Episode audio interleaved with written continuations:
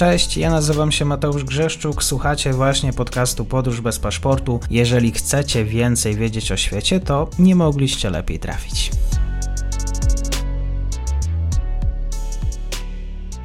Na raport z frontu i rozmowy o bezpieczeństwie zapraszam z militaria.pl, sklep z militariami, outdoorem i samoobroną. Dzień dobry Państwu, dzień dobry wszystkim słuchaczom. Działo się przez ostatnie dni w Górskim Karabachu. Dzisiaj krótkie podsumowanie tego, co się dzieje, również na szczeblu dyplomatycznym. Maciej Musiał z redakcji mówiąc wprost. Kłaniam się. Cześć Mateuszu i witam serdecznie słuchaczy. I jakie decyzje zapadły przy stole właśnie negocjacyjnym? Wiesz co, trudno jest powiedzieć, jakie tak naprawdę zapadły te decyzje, ponieważ tak naprawdę my się no, co jakiś czas dowiadujemy o tych tak naprawdę postanowieniach. Na przykład na przed chwilą zauważyłem, że na przykład było postanowienie takie, że e, strony porozumiały się właśnie w Jewłachu tego 21 września, że strona azerbejdżańska będzie właśnie dostarczać nie tylko pomoc humanitarną w postaci czy to żywności, czy środków klinicznych, ale teraz ma zmierzać do Karabachu również benzyna oraz olej opałowy. No, w komunikacie oficjalnym strony azerbejdżańskiej chodzi o to, żeby po prostu no, dostarczyć te surowce w celu realizowania najpilniejszych potrzeb całych mieszkańców Karabachu jak to też kwitują, żeby po prostu było też ciepło samym mieszkańcom. No, czyli ta pomoc ma być dostarczona czy to e, jednostkom ratowniczym, czy też straży pożarnej, czy przedszkolom, po to po prostu, żeby no, te potrzeby zabezpieczyć. Jeżeli chodzi o stronę azerbejdżańską, jakie komunikaty, jakieś narodo, narodowo-twórcze, patriotyczne, jak czują się z, tymi, z tym Azerowie? Znaczy, no, na pewno jest euforia i to, że po no, około 30 latach no, Azerbejdżan powoli odzyskuje tą kontrolę nad e, Górskim Karabachem, który no, nie ma co ukrywać, ale był takim oczkiem w głowie propagandy E, Baku oraz samego Azerbejdżanu i prezydent Alijew skupiał nastroje społeczne wokół tej sprawy. Ta narracja azerbejdżańska była mimo wszystko e, taka o, jednak agresywna, nastawiona na konfrontację, mówiąca o tym, że po 2020 roku ten rejon w końcu zostanie odzyskany. No i tak naprawdę widzimy teraz efekty tego zawieszenia broni z 2020 roku i widzimy, że Azerbejdżan, jeśli jest zdeterminowany i oczywiście robił to małymi krokami, no to jest w stanie ten, to terytorium odzyskać. Natomiast sama, jak patrzę, narracja ze strony władz azerbejdżańskich pokazuje to, że Ormianie Karabasy nie mają się czego bać. My im zapewniamy żywność, my im zapewniamy opał. Jeśli przyjmą obywatelstwo, podporządkują się władzom azerbejdżańskim, to nic im nie będzie grozić.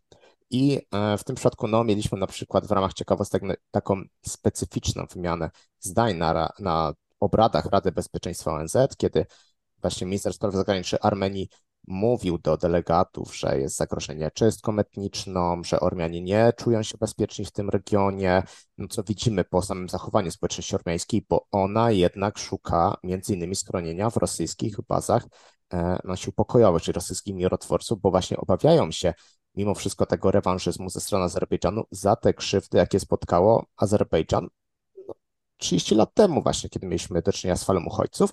Natomiast minister spraw zagranicznych Azerbejdżanu stwierdził, że on nie rozumie tych oskarżeń, no bo sam premier Armenii y, deklarował, że nie ma takiego zagrożenia i że karabaskim Ormianom trzeba oczywiście zapewnić to bezpieczeństwo, ale dementował na przykład różne doniesienia o tym, że na przykład żołnierze azerbejdżańscy mają rozstrzeliwywać e, karawaskich Ormian. Więc tutaj no, premier Paszynian studził nastroje i ta narracja premiera Paszyniana na przykład nie, nie pokrywa się właśnie z tym, co minister spraw zagranicznych Armenii chciał przekazać, natomiast strona azerbejdżańska, tak jak mówię, ona ma bardzo, bym powiedział, jednak łagodne stanowisko, co może dziwić, ale oczywiście też jest, ta łyżka dziegciu w miodzie jest, no bo no, mówi, mówią też władze azerbejdżańskie, że mm, oczywiście na przykład dla żołnierzy będzie amnestia, którzy złożą broń, ale jeśli ktoś brał udział w I wojnie karabaskiej i jest odpowiedzialny na przykład za jakieś czystki etniczne lub za wypędzenie e, ludności cywilnej azerbejdżańskiej, no to on za te zbrodnie odpowie sprzed 300 lat i go rękata sprawiedliwości dosięgnie. Z kolei protesty w Armenii i dzieje się przed budynkiem parlamentu, chyba już nieco spokojniej niż przed paroma dniami. Tak, i powiedziałbym szczerze, że te protesty nie są takie gwałtowne, z jakich mieliśmy oczywiście do czynienia na przykład w 2018 roku w trakcie tej kolorowej rewolucji, która wniosła Nikola Paszynian do władzy.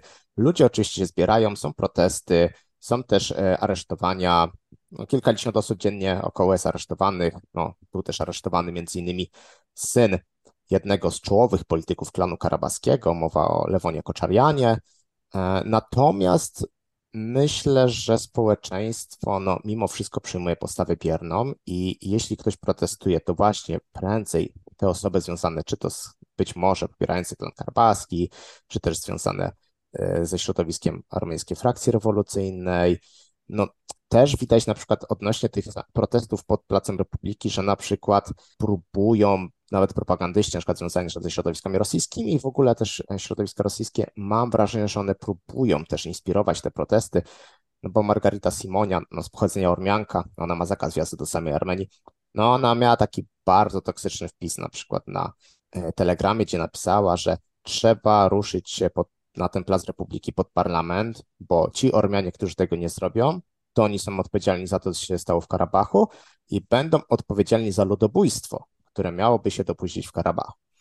Więc tutaj widać, że być może strona rosyjska chciałaby na przykład to wykorzystać i podkopać jeszcze zaufanie społeczne do Nikola Paszyniana, natomiast no, nikt nie będzie protestował, żeby na przykład do władzy wrócił klan karabaski i poniekąd to ratuje Nikola Paszyniana, że na obecny moment brak tej al alternatywy, ale należy też podkreślić, że protesty dzieją się nie tylko wokół samego Placu Republiki i pod budynkami rządowymi, ale mam do czynienia też z protestami pod ambasadą rosyjską i strona rosyjska wysyła też noty protestacyjne, że te protesty, które dzieją się pod ambasadą, uniemożliwiają standardowe działanie e, rosyjskich dyplomatów i strona rosyjska jest zaniepokojona tym, co się dzieje właśnie pod jej placówką. Tutaj najwięcej jeśli chodzi o te protesty pod ambasadą rosyjską, to e, w tym przypadku ma do gadania takie no, ugrupowanie radykalne, ale prozachodnie, które na przykład protestowało też pod bazą rosyjską w Giumri na początku tego roku.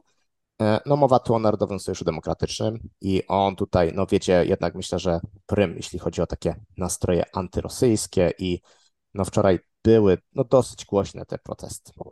Czekamy w takim razie, obserwujemy na rozwój sytuacji. Maciej Musio w komentarzu, kłaniam się, bardzo dziękuję. Dziękuję bardzo, pozdrawiam.